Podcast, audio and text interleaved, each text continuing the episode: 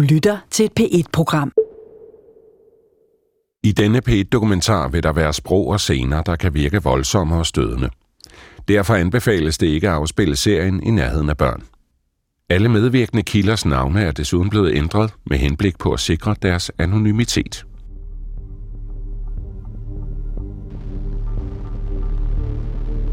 Hun sidder i et badekar i vand til livet. Lyset er skarpt, og hendes blik er tomt. Hun har fået besked på, at hun skal slå sig selv. Først med flad hånd, og så med knyttet hånd. Vandet pjasker ud på gulvet, hver gang hun rammer sig selv i ansigtet. JP siger, at hun skal tage hovedet under vandet. 11 gange drukner hun sig selv.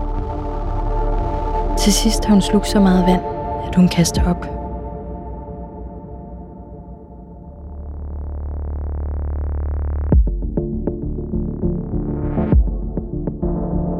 Indtil videre har vi fundet frem til en af gerningsmændene, nemlig JP. Men vi ved, at der er endnu en mand derude. En dag i november støder Maiken og Frederik på endnu en debattråd på en af de sider, hvor brugerne deler lækkede billeder af kvinder. Her har en anonym bruger netop delt nye billeder og videoer af de afpressede piger og kvinder fra Kaspers materiale. Og at dømme ud fra de andre brugeres reaktioner, er de begejstrede over det nye materiale. Peter, holy fuck, du er den sorte ridder for alle liderlige mænd. At du videregav de billeder til en skolekammerater er fandme for vildt. Du er tydeligvis en gud blandt os liderlige idioter. Held og lykke, min ven. Spred resten af materialet og skab noget lykke. Maiken og Frederik har fået flere indikationer på, at navnet på den anden gerningsmand er Peter. Og nu ser vi pludselig i en tråd på det åbne internet, at anonyme brugere ikke blot skriver om Peter, men i stedet henvender sig direkte til ham. På det her tidspunkt er det dog stadig langt fra sikkert, at denne anonyme uploader Peter også i virkeligheden er gerningsmanden i Kaspers materiale. Der sker dog pludselig noget afgørende i debattråden. Folk begynder nemlig at brokke sig, da Peter stopper med at uploade de nye videoer af de afpressede kvinder.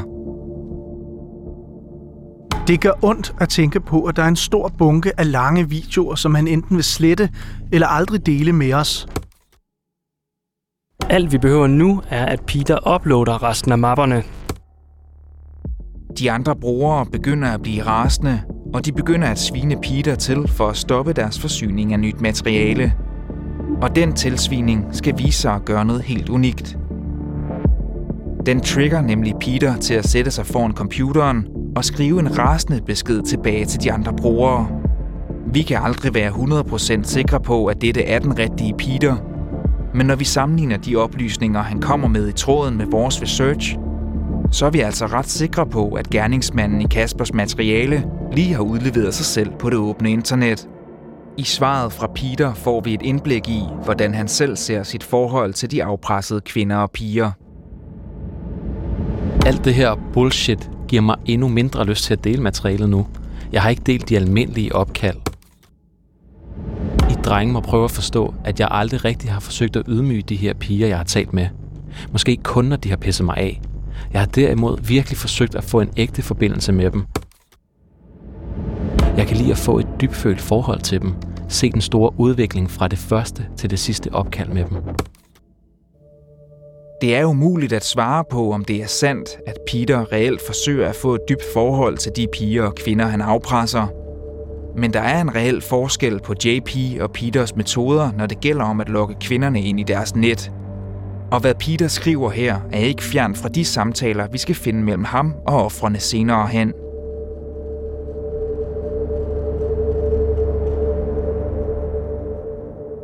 Vi ved nu, at rigtig mange af pigerne og kvinderne i den her sag er blevet delt vidt og bredt på det åbne internet.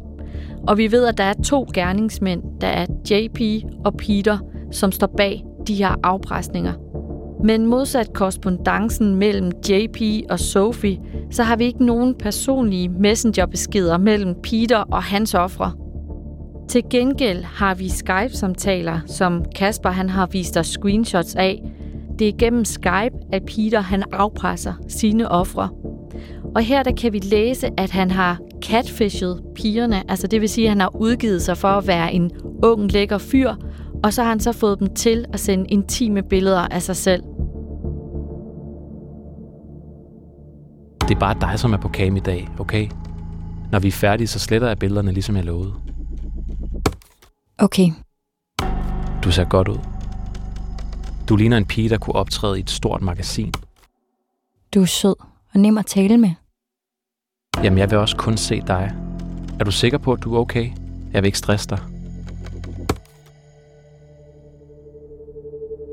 Peter og offrene skriver og taler sammen i timelange Skype-opkald. Til at begynde med er han høflig og komplimenterer pigerne, og han lover dem hele tiden, at han vil slette de nøgenbilleder, han har fået af dem. Vi kan ikke fjerndiagnostisere mænd som JP og Peter, men vi vil gerne prøve at forstå, hvorfor der er mænd som dem, der tænder på at lave det her hurtcore-materiale. Derfor taler jeg med Jesper Rosgaard Mogensen. Han er klinisk psykolog på Seksologisk Klinik, og han har selv haft patienter, der lider af samme form for seksuelle afvielse som JP og Peter. Hej. Yes. Hej. Hej så. Velkommen til. Tak skal du have. Jeg er kommet ovenpå. Yep. En gang op ad trappen. Okay. Han betegner gerningsmændene som seksuelle sadister, og selvom han ikke mener, at deres barndom undskylder deres handlinger, så mener han, at det er i barndommen, at svarene på, hvorfor de gør det her, skal findes. Her der tror jeg, at vi skal se nogle børn, som er mere svigtet i at kunne få lov at reagere og protestere og vise deres aggression mod øh, mor eller far eller omsorgsgiveren. Og den aggression, de så sidder tilbage med, den er for farlig for dem, fordi deres, deres fantasi bliver, at når man retter aggression mod mor, så kan hun ikke tåle det, og så forsvinder hun fra en. Nogle gange så kan man jo tænke, når man hører om nogen, der har gjort noget forfærdeligt, at det er også bare fordi, de har haft en slem barndom. Er det sådan altid, at øh, fordi at øh, man har oplevet noget slemt, så er det egentlig okay, at man øh, senere i sit liv øh, ikke bliver et ordentligt menneske? Jeg tror, at vi skal tænke, at de, de er egentlig frustrerede og aggressive over det oprindelige traume, eller den, det oprindelige svigt, eller den oprindelige afvisning, men de har ikke kunnet give aggressionen til den anden. Og, og derfor er de begyndt i fantasien at lege med, at man kan få magt over den anden, eller få adgang til den anden gennem øh, det seksuelle. Ifølge Jesper Rosgaard Mogensen, så er der mange mænd, der har sådan en urfantasi om at styre og dominere kvinder. Og den lyst kan de få tilfredsstillet ved for eksempel at se porno. Men for de her mænd, der er det ikke nok. Der skal der mere til. De her sadistiske personligheder, der vil det ikke være tilstrækkeligt at gå i en SM-klub, hvor der er øh, samtykke, og hvor den anden gør, hvad man beder om på den måde. Det bliver nødt til at være autentisk på den måde, at de mærker den overgivelse, der ligger. Altså at kvinden undergiver sig dem ikke af lyst, men af nød. Derfor bliver overgrebene på pigerne og kvinderne også meget ekstreme, og de foregår efter den samme drejebog. Egentlig så kunne nogen jo, kunne jo godt nyde ydmygelsen, uden at den fik så tydeligt et emotionelt udtryk, fordi man ved, man leger med ydmygelsen, fordi man kan mærke i sig selv og hos den anden, at der er en leg i gang med ydmygelsen. Men her, der kan tårne blive nødvendige, fordi det bliver det tydelige bevis på, at de har nedbrudt den anden, eller de er nået ind til den andens sårbarhed. Selvom Peter umiddelbart virker mere venlig end JP, så ender overgrebene på samme måde. Når først de har vundet pigernes og kvindernes tillid, så begynder de på det, det virkelig handler om for dem, nemlig at nedbryde deres ofre. Stå i midten. Bliv stående. Lad være at dække dig til. Drej rundt. Tag trusserne af. Tag dem så af nu. Og lad være med at skjule dig. Jeg fucking hader dig. Det har du sagt. Jeg vil se dit ansigt. Det kommer ikke til at ske. Afpresningen tager til, og kravene bliver mere og mere ekstreme. Du er en syg mand, der ikke har en kæreste. I stedet misbruger du 13-årige piger. Ja, det er mig. Er du klar til at fortsætte? Brug børsten, vend dig om og stik den op i røven. Easy peasy, ikke? Du har gjort det før. Da pigerne er allermest nedbrudte, truer Peter med det, der startede hele afpresningen. Jeg ved ikke, om din mor har Instagram, men jeg tror, hun har. Men jeg vil sende den til din søster, og hun vil vide, hvad du har gjort.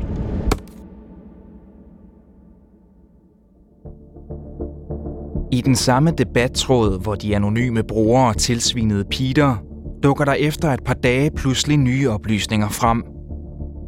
Flere brugere begynder nemlig at skrive, at Peter er blevet arresteret. Stedet er Mexico. Peter blev anholdt i går. Jeg kender ham i virkeligheden. Peter er blevet arresteret i Mexico. En af pigerne forsøgte at begå selvmord, og sidenhen gik politiet ind i sagen. Det virker næsten for godt til at være sandt, at Peter skulle være blevet arresteret i Mexico. Selvom de anonyme brugere har kendt til en Peter på nettet, så virker det højst usandsynligt, at de skulle vide, at der er sket ham noget ude i virkeligheden. Derfor sætter vi os ned en eftermiddag i november og ser, om vi kan bekræfte rygterne. Vi begynder derfor at læse meksikanske lokalaviser på nettet, og pludselig bliver der nævnt en anholdelse af en mand, der hedder Peter. Det er ofte sådan i Mexico, at man filmer anholdelser, og derfor går vi på YouTube. Og der er en video af Peter. I joggingbukser og en sort Adidas t-shirt kan vi se en mand blive ført ud af en politistation i Mexico. Der er to kampklædte betjente, der holder ham i et fast greb, mens han bliver ført afsted. Det lokale meksikanske politi er ved at læse hans rettigheder op, og foran ham venter sortklædte agenter fra Interpol, som er klar til at tage ham i deres varetægt.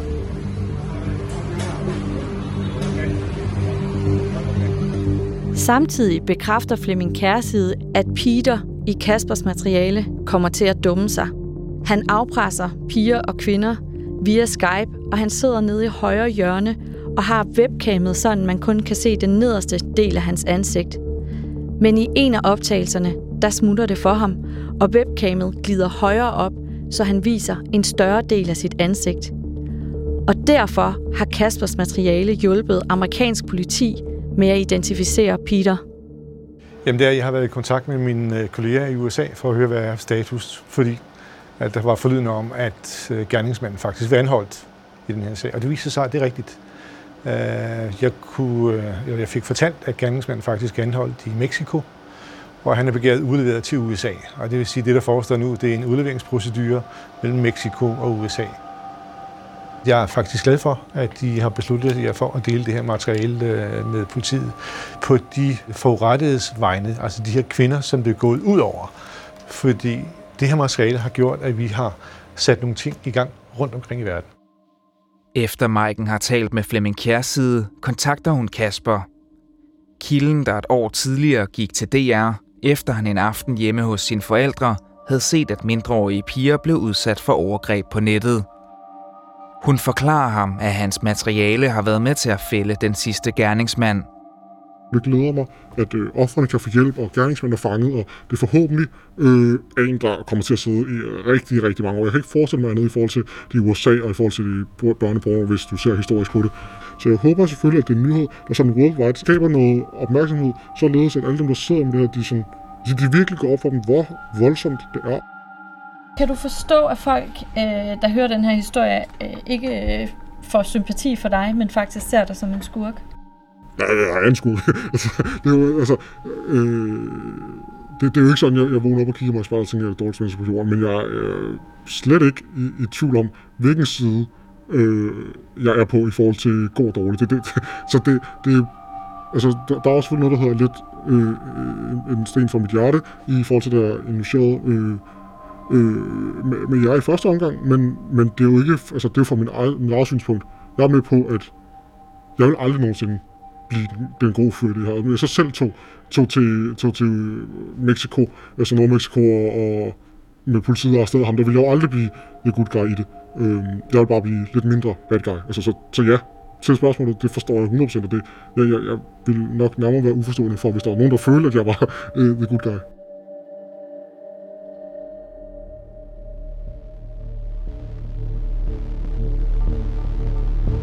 Hendes øjne er hævet af gråd.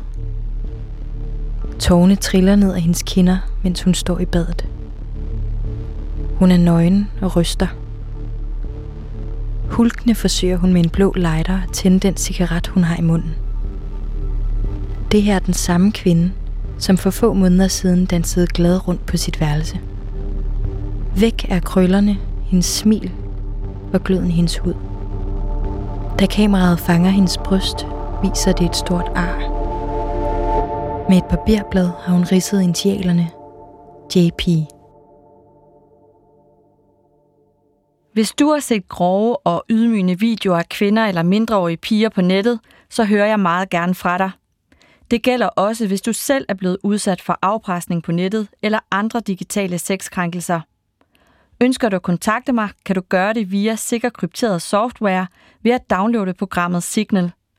Her kan du skrive eller sende dokumenter til mig på telefon 28 40 72 44. Mænd, der ødelægger kvinder, er produceret af P1 Dokumentar, og den er tilrettelagt af mig. Jeg hedder Christian Stemann, sammen med Maiken Sten Frederiksen og Frederik Hugo Ledegaard. Klip, musik og lyddesign af Bastian Bak, speaker rekonstruktioner Ida Skjærk, Anne Skjerning og Jens Wittner Hansen er redaktører.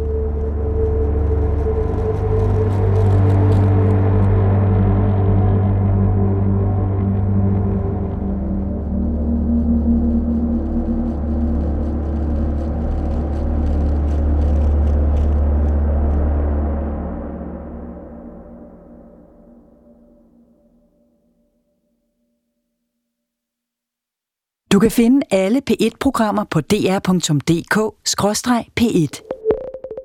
Det giver mening.